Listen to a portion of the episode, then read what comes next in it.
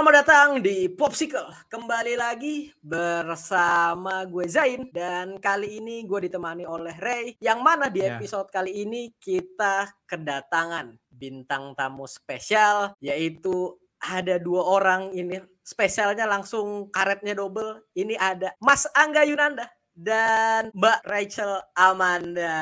Wah, ini halo. Halo, halo. halo. Ini Hai, boleh nanya kabarnya dulu nggak nih, biar kita basa-basi sedikit nih dari Mbak Rachel dulu nih, atau biasa dipanggil Mbak Manda ya. Betul. Kabarnya pilek. Kebetulan karena sekarang cuacanya lagi lumayan ekstrim ya, mulai nggak jelas Hmm. lagi nih di luar ditambah. Untungnya sih gue tadi antigen negatif, jadi yang pasti bukan COVID. Oh. Cuman Ah, situasi karena di luar kan lagi panas tapi hujan, terus betul. lagi musimnya juga nih gitu. Jadi eh, kabarnya gue pilek, tapi selebihnya baik-baik aja. Oh iya, semoga sampai kita selesai dan besok-besok udah mendingan ya, maksudnya udah sembuh langsung lah. lah. Mendingan. Amin, amin, amin. Ah, Nah ini untuk Mas Angga dulu nih, katanya kan tadi sebelum tapping baru booster ya. Betul, betul banget. Baru saja booster ketiga, tapi alhamdulillah Mhm. kabarnya baik-baik aja. Karena aku baru dapat kesempatan sekarang sih untuk booster karena eh, untuk berjaga-jaga juga. Jadi buat teman-teman semua jangan lupa untuk selalu jaga kesehatan. Manda jaga kesehatan, apalagi kegiatannya padat sekali. Semangat untuk promo MRS-nya ya. Karena jujur Iya. kalau nggak ada lo, jadi Kenapa? ya, Iya. kita harus selalu Saling bersama. support lah ya. Doping jangan lupa doping vitamin. Iya. Iya, bisa minum madu gitu kan kalau misal Betul, mau betul, menambah betul. ininya ya. Tapi yang jelas buat teman-teman dari Popsicle yang ngedengerin udah tahu dong mereka ini siapa aja gitu kan. Kalau gue pribadi taunya Mbak Manda ini dari Indra Keenam karena mukanya familiar banget. Mohon maaf gitu kan. Iya, tentang dari setia ya? Iya, Apa? kebetulan setia dulu waktu waktu masih kecil kan Iya. umurnya beda-beda tipis soalnya gitu kan. Ya, ya, ya, ya. Ah, ah. Ketahuan soalnya kalau nonton Indra Keenam mau udah umur berapa Iya, kira-kira? siapa lagi? Tahun berapa sih Indra Keenam? Lupa kan malah. 2001, 2001. 2001 ya. Kecil banget itu Heeh. umur berapa gitu kan. Nah, ya yang jelas seperti yang diobrolin sama Mas Angga, di episode kali ini kita bakal ngobrolin dan sekalian ngepromoin film yang akan mereka bintangi, mereka bintangi, bukan akan ya. Film yang mereka Sudah ya, bintangi sudah. dan dan akan tayang dalam waktu Yes. dekat gitu kan. Ini adalah film Mencuri Raden Saleh. Nah, ini simak dulu ya sampai habis nih pertanyaan-pertanyaan, lontaran pertanyaan dari kita buat mereka berdua nih. Oke, ini bisa dimulai kali ya dari siapa dulu ya? Dari sinopsisnya dulu nih, Rey. Soal Mencuri Raden Saleh ini tentang apa dulu nih buat pendengar-pendengar yang belum tahu nih? Waduh, sebenarnya sinopsis bisa dicari di internet banyak ya. Tapi Iya. Popsicle suka kasih ide lebih gitu, melebih-lebihkan. Jadi Heeh. intinya ada sekelompok anak muda berisikan enam orang anggota dengan fungsinya masing-masing ingin menjebol dan mencuri lukisan ternama yaitu penangkapan Pangeran Diponegoro dan bagaimana Hmm. caranya mereka harus saling bahu membahu ya menjalankan tugas-tugas mereka yang sudah dibagikan supaya bisa mendapatkan apa yang ingin mereka capai gitu ujung-ujungnya Oke, duit Ya. Oh, ujung-ujungnya duit. Ya, benar kan? Karena seingat saya, hampir di setiap teaser itu di-mention masing-masing dari kita dapat 3 miliar, 15 Wih. miliar gitu.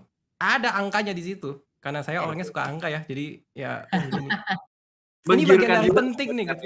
Iya, iya gitu. Hah? Ya Gitu, oke gitu. ya, ini Ya. emang buat mencuri Raden Saleh emang kayaknya dari tahun lalu kalau kita nggak salah tanggal ya, maksudnya udah ininya ya dimulai promonya ya, udah mulai dari tahun lalu juga. Mau nanya dulu nih untuk dua-duanya kali ya. Ini kan film buat kalian berdua. Jelas proses syutingnya kalau di pikiran gue itu berbeda dong sama proses syuting-syuting film yang biasanya kalian lakuin. Nah ini mulai dari Mas Angga dulu. Bedanya apa nih kalau boleh tahu nih? Soalnya kan kita ngelihat Mas Angga yang paling terkenal banget itu ya berakting di film Dua Garis Biru dan Mariposa gitu ya. Maksudnya bedanya sama yang sekarang ini di dalam set itu gimana nih? Ya, um, ini salah satu pengalaman pertama juga sih untuk aku pribadi di film action karena mungkin sebelum-sebelumnya aku emang cukup sering berada di film drama remaja atau drama percintaan gitu. Mm -hmm. Jadi ini bener-bener kayak di luar zona nyaman aku bisa dibilang seperti itu. Dan dari persiapannya sendiri juga pastinya jadi jauh lebih apa ya menantang gitu daripada film hmm. mungkin drama biasa karena pastinya kita harus punya bekal terhadap teknis yang mumpuni juga gitu karena bagaimanapun hmm. juga pasti sisi action itu membutuhkan kerja sama tim yang luar biasa dari sisi teknis gitu. Karena kita juga harus bisa tahu kira-kira visi misinya Mas Angga tuh akan seperti apa di lapangan. Jadi mereka kita sebagai talent sebagai pemain juga udah diberi bekal gitu sebelumnya. Kira-kira bakal kayak gimana nih rencana syuting dari Mas Angga sendiri dan tim kru dan lainnya juga gitu. Terus kalau untuk oh, iya. ke pemainnya sendiri mungkin karena emang pemain di film Mencerah dan Salah ini punya istilahnya skill masing-masing yang sangat spesifik dan itu yang cukup Betul. menyulitkan kita sebagai pemain untuk menemukan kira-kira nyawa dari masing-masing kekuatan itu kayak gimana gitu. Kalau aku pribadi kan hmm. kan di sini sebagai hacker dan itu hmm. cukup hmm. menyulitkan sih di awal karena aku jauh banget dari kayak bidang IT itu cukup nggak pernah terbayangkan sebenarnya sebelum-sebelumnya karena aku ah. orangnya kayak cukup gaptek gitu. Misalnya kayak pegang handphone laptop aja udah sekedarnya aja kayak hmm. Microsoft Word apa pun itu ini HP-nya gitu, bukan bukan Nokia kan? HP-nya kan? Kayak codingan dan lain-lain. Aku nggak pernah sentuh hmm. sama sekali gitu. Nah sedangkan di film ini bener-bener kayak diperlihatkan kira-kira gimana cara kayak coding gimana ngelihat um, oh. kayak dark web web. Dan untungnya aku dikasih bekal itu gitu karena aku selama proses workshop oh. dan reading kebetulan ada yang ngedampingin juga Mas Teguh namanya Mas Teguh itu hmm. salah satu bisa dibilang pakar IT yang mumpuni banget yang dimiliki Indonesia dan beruntung banget bisa dipertemukan sama beliau hmm. jadi benar-benar kasih insight yang banyak banget dan akhirnya jadi hmm. semakin tahu dan semakin percaya gitu kalau si karakter ini tuh emang beneran eksis di dunia gitu dan emang beneran uh membuat aku sendiri juga percaya untuk memainkannya akhirnya. I see, I see. Hmm. Persiapannya itu kayak berapa kali tuh latihan ketik cepat gitu misalkan ada nggak? Um, kurang lebih kalau ketemunya hampir seminggu sih sama beliau gitu. Seminggu. Hmm. Oh, iya, kalau untuk proses ketemunya. Tapi kalau untuk develop uh, mulai reading dan lain-lain itu cukup panjang sih ya Am ya sebenarnya ya waktu kita ya hmm. untuk Bisa reading. Bisa ada kalau digabung-gabungin mungkin enam bulanan lah. Enam bulan? Oh, total. Iya. Lama, lama loh itu. Iya. Oh, berarti sekarang udah udah bisa ngoding nih Mas Angga nih apa kayak gimana? Waduh, jago bener. Paling pro. Iya, iya. Siapa tahu gitu kan. Ada proses memperlihatkan aja orang-orang mengcoding seperti apa gitu. Belum uh. bisa sih. Tapi uh, emang tadi kan ada mention dark web ya berarti. Jadi maksudnya kayak ya. itu waktu itu belajar juga berarti kayak mengakses dark webnya gitu-gitu atau gimana itu?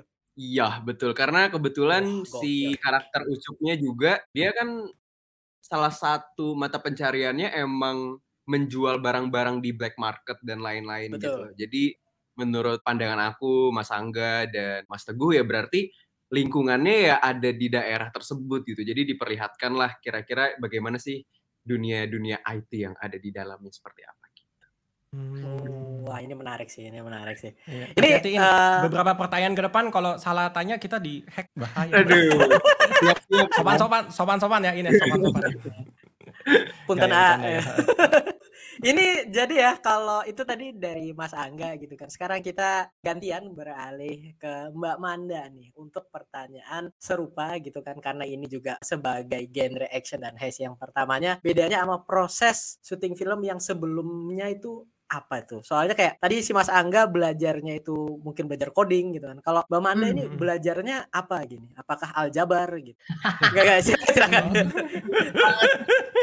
apa ya? Prosesnya. Eh, sama sih, sejujurnya bahkan gue tuh tadinya gue tuh termasuk orang yang agak minder dan gak yakin kalau gue tuh akan dapat film action karena Hmm. gue tuh ngerasa aduh gue tuh kayak kurang jagoan deh bentukannya gitu atau kayak kurang Tomb Raider gitu atau jadi kayak awalnya tuh gak nyangka juga kalau gue akan bisa terlibat dalam film kayak gini cuman ya eh, terima Hmm. kasih kepada Mas Angga dan Visinema yang menciptakan Raden Saleh dan memang secara cerita juga bukan anak-anak pro gitu kan maksudnya kan kita kita ini kan bukan pro dalam action dan pencurian Hmm. sebenarnya gitu jadi ya mewa- mewakili anak-anak biasa-biasa saja lah gitu Oh. Hmm. Cuman- Jadi kayak cuman- ibaratnya nih pandangannya anak biasa yang ditaruh dalam apa eh, genre action gitu berarti. Betul, betul. Cuman memang seperti yang tadi Angga bilang ada skill yang dipunya masing-masing gitu. Kayak misalnya Angga tadi seorang hacker, kalau gue kebetulan eh, bandar judi kampus gitu. Hmm. Iya, iya. Iya, gue iya, bandar iya. judi Iya. kampus gitu yang eh, ya anak anak-anak kampus yang suka kabur-kabur tuh tahu lah base Oh, camp gue di mana gitu yang Hmm. kalau cabut kelas tuh juga biasanya ke situ gitu. Hmm. Nah, tapi dari dari kebiasaan itu memang karena si eh, karakter gue Vela ini eh, Mm-mm. memang punya keahlian bernegosiasi. Ya ada ada manip- manipulatifnya dikit kali ya gitu karena sering ngebluffing orang kan kalau misalnya lagi main Hmm. gitu.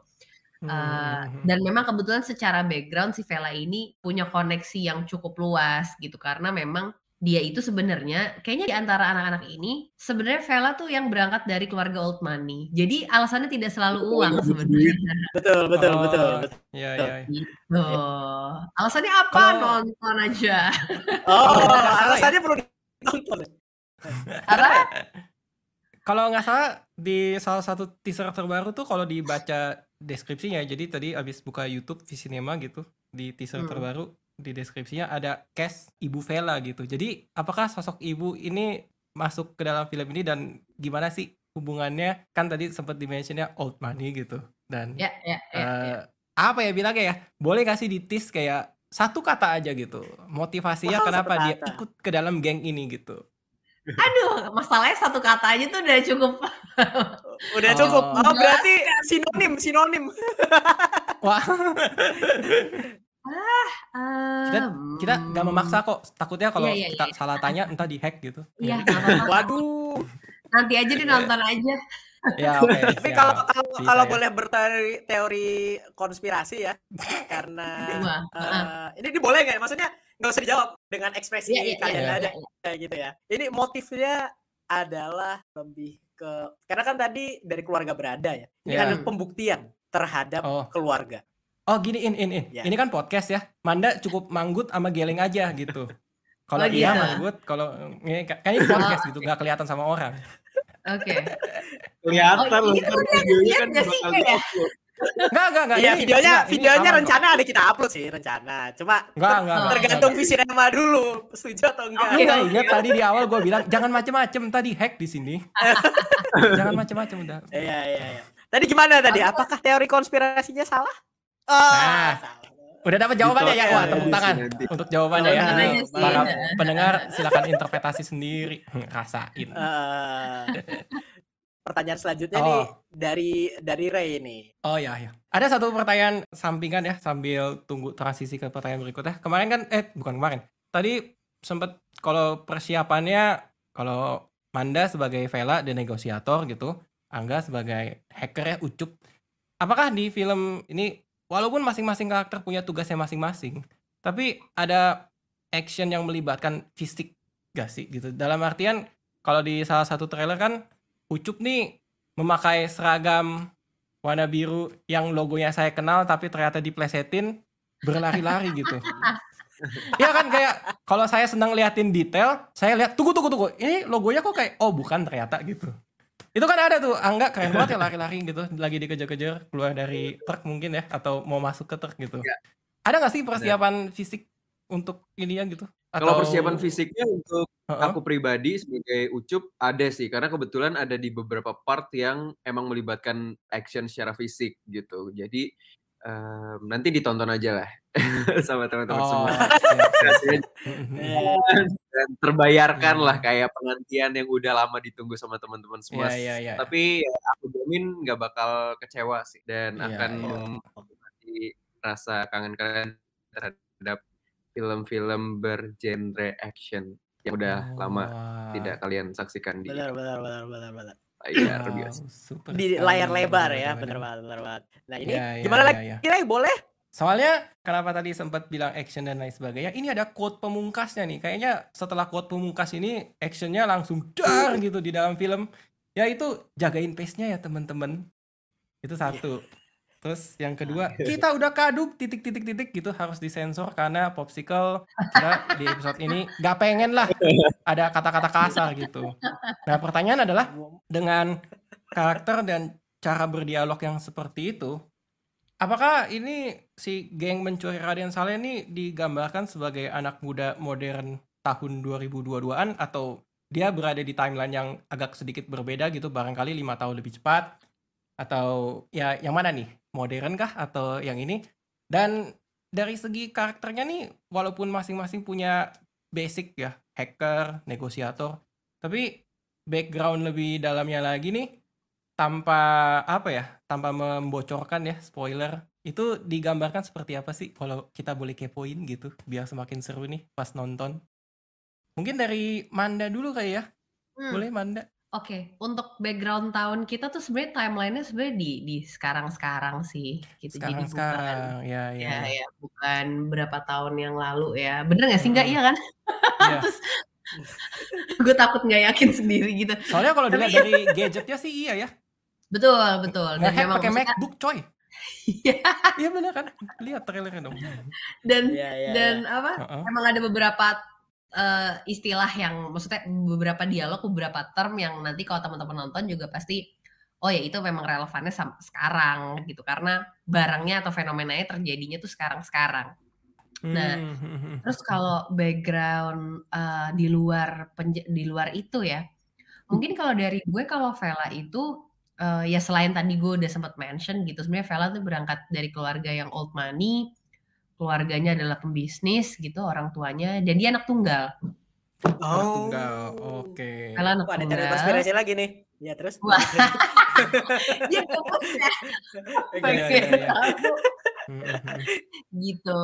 Terus apalagi ya? Em, Vela anak tunggal. eh, dia dia di- jadi dia kuliahnya bisnis juga sebenarnya gitu dengan Anak tunggal. dengan harapan bisnis, keluarga juga untuk meneruskan bisnis keluarga.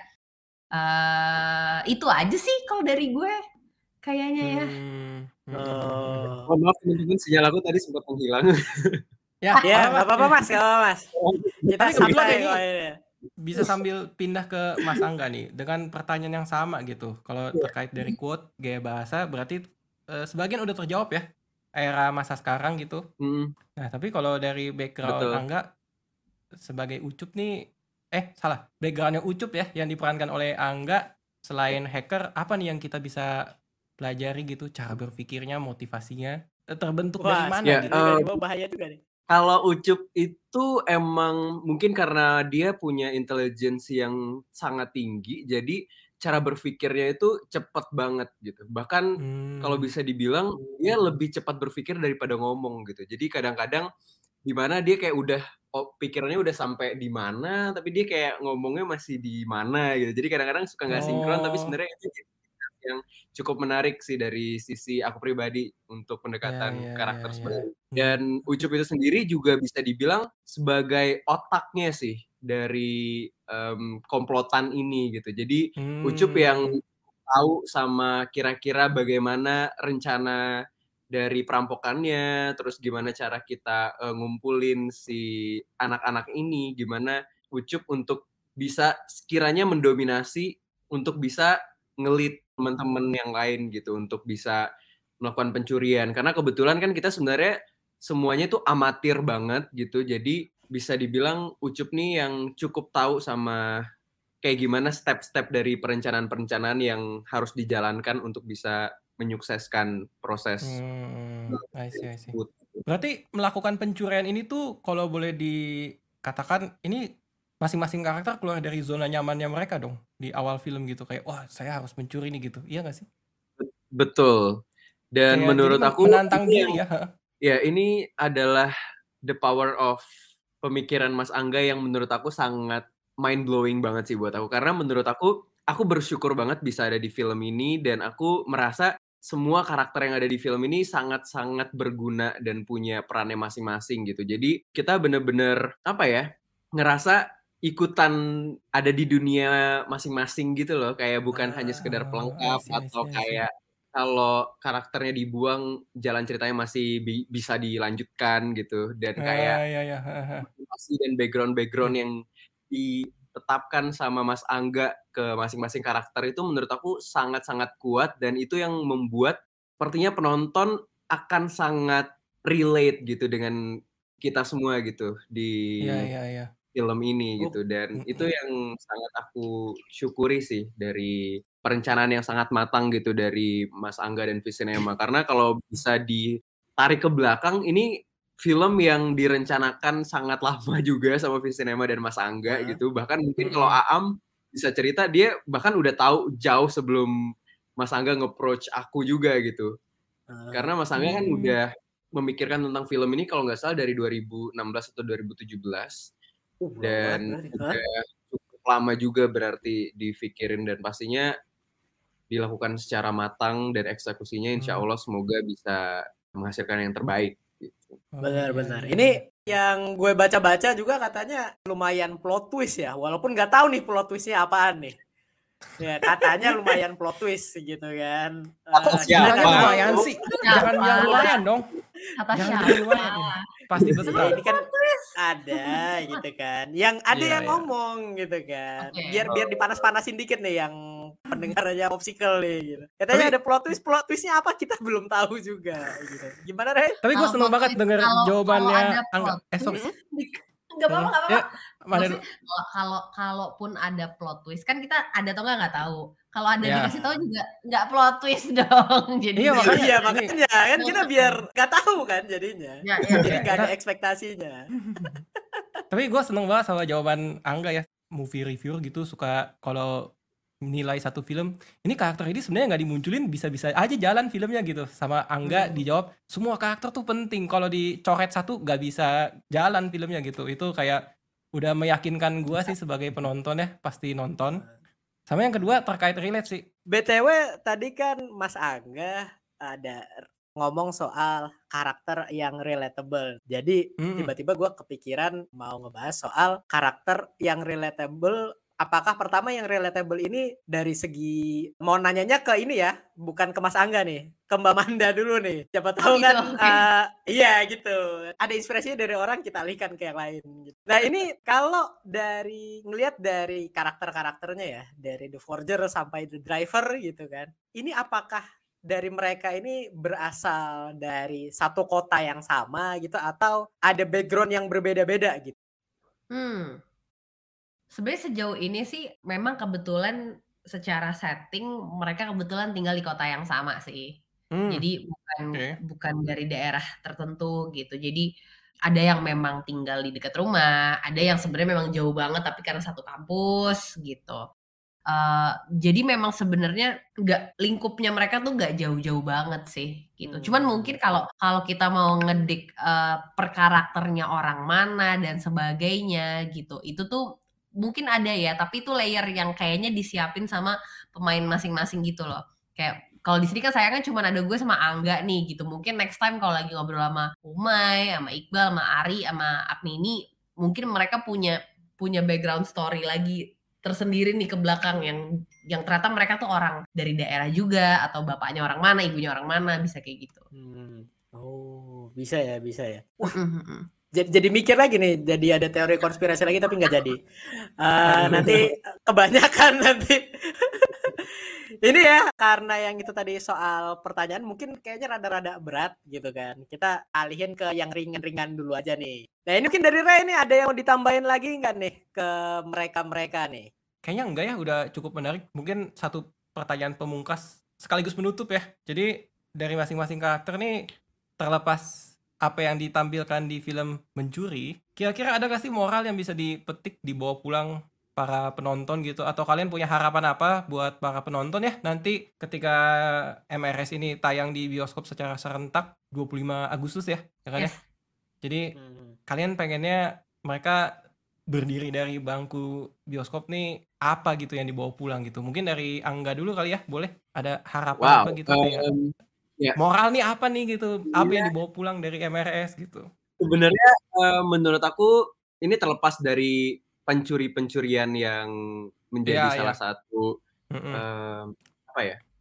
Salah Aksi, satu eh, hal utama di sini gitu. Tapi menurut Iya. aku yang bisa dipelajari adalah si lukisannya tersebut sih. Hmm. Karena menurut aku jarang banget ada film Indonesia yang menempatkan lukisan sebagai salah satu topik dalam film. Terutama Hmm, mungkin sebelum ini kayaknya teman-teman anak-anak muda bahkan mungkin yang berumur dewasa pun kayaknya sedikit banget yang paham dan tahu siapa itu hmm, Raden Saleh gitu dan padahal Hmm. dia adalah maestro sejarah Indonesia iya. beliau adalah salah satu menurut aku panutan yang seharusnya bisa lebih digaungkan lagi. Dan menurut aku melalui film ini kita sebagai pemain dan juga Hmm, em, ya aktor dan seniman ingin sekali memperkenalkan kalau ada loh maestro lukis yang ada di Indonesia yang karyanya itu sangat-sangat melegenda gitu. Hmm, dan itu yang menurut aku jadi salah satu pembelajaran yang baik sih karena ada banyak sih insight-insight baru dari em, naskahnya yang menceritakan tentang Raden Saleh itu siapa dan kita jadi bisa lebih dekat Hmm. dengan Raden Saleh dan lukisan-lukisannya gitu. Jadi hmm. ini salah satu topik yang menurut aku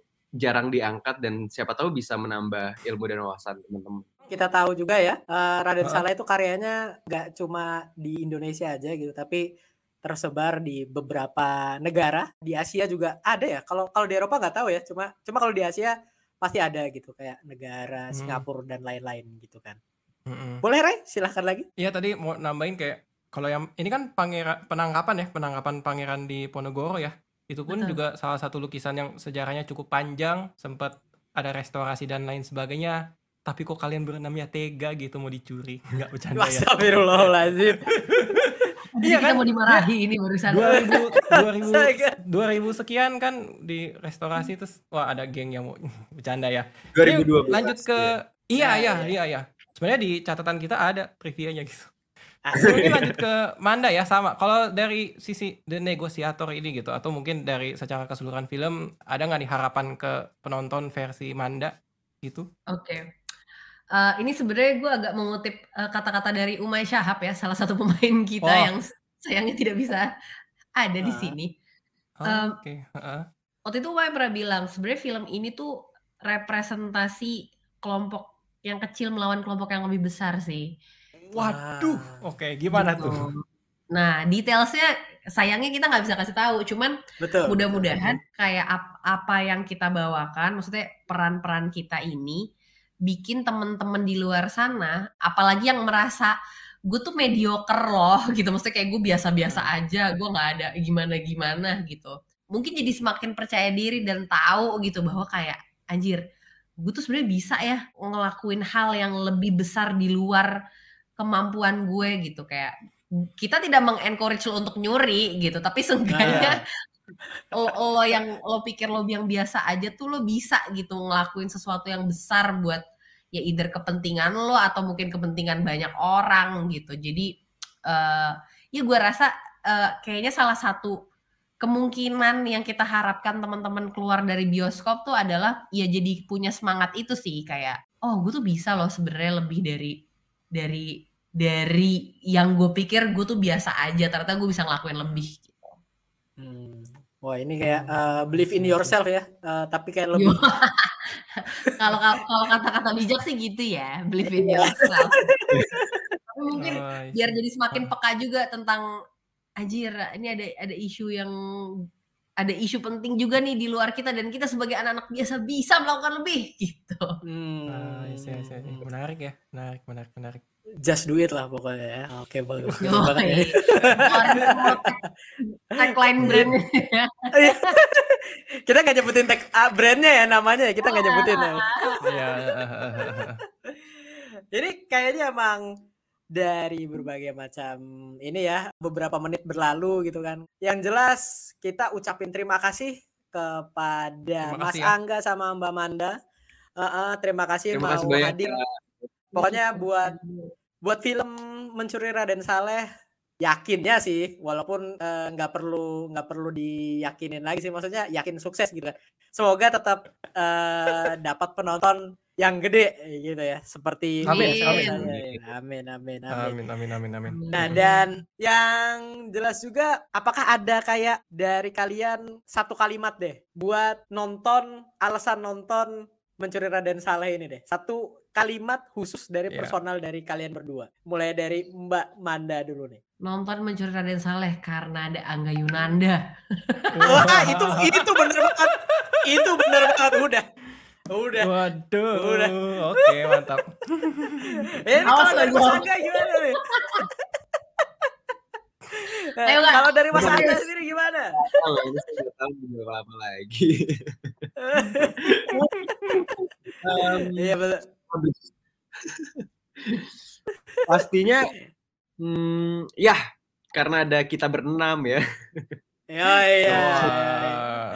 Harus tim memang Mas nih ya. Angga ini. Iya, satu tim. Dan menurut Iya, aku iya, iya. kalian pasti akan merasakan experience yang berbeda sih dan benar-benar harus ditonton di bioskop dan dengan sinematografi yang luar biasa nabrak-nabrakin berbelas puluh-puluh mobil dan adegan-adegan yang sangat memanjakan mata tapi tetap menguras emosi dan tenaga gitu jadi harus ditonton sih emang nggak boleh kelewatan jadi kalau nggak ditonton kebangetan sih Wow, itu. I see, I see, Udah ada. Mas Angga loh. Kebangetan emang kalau nggak ditonton bener. Oke, dari kita dari Popsicle eh, cukup Ya. sekian dulu. Seperti biasa kita pamit undur diri. Terima kasih sekali lagi kepada Mas Angga dan Mbak Manda. Kita akan ketemu Thank lagi you. di Makasih ya, thank you banget, seru sekali. Heeh, heeh. ya, See you jangan lupa lagi. nonton 25 Agustus 2020 Betul. Ya, 25 Kita Agustus ya di episode bioskop. selanjutnya. bioskop. Iya. Wah, bye bye semua. Ya, thank you, thank you, thank you.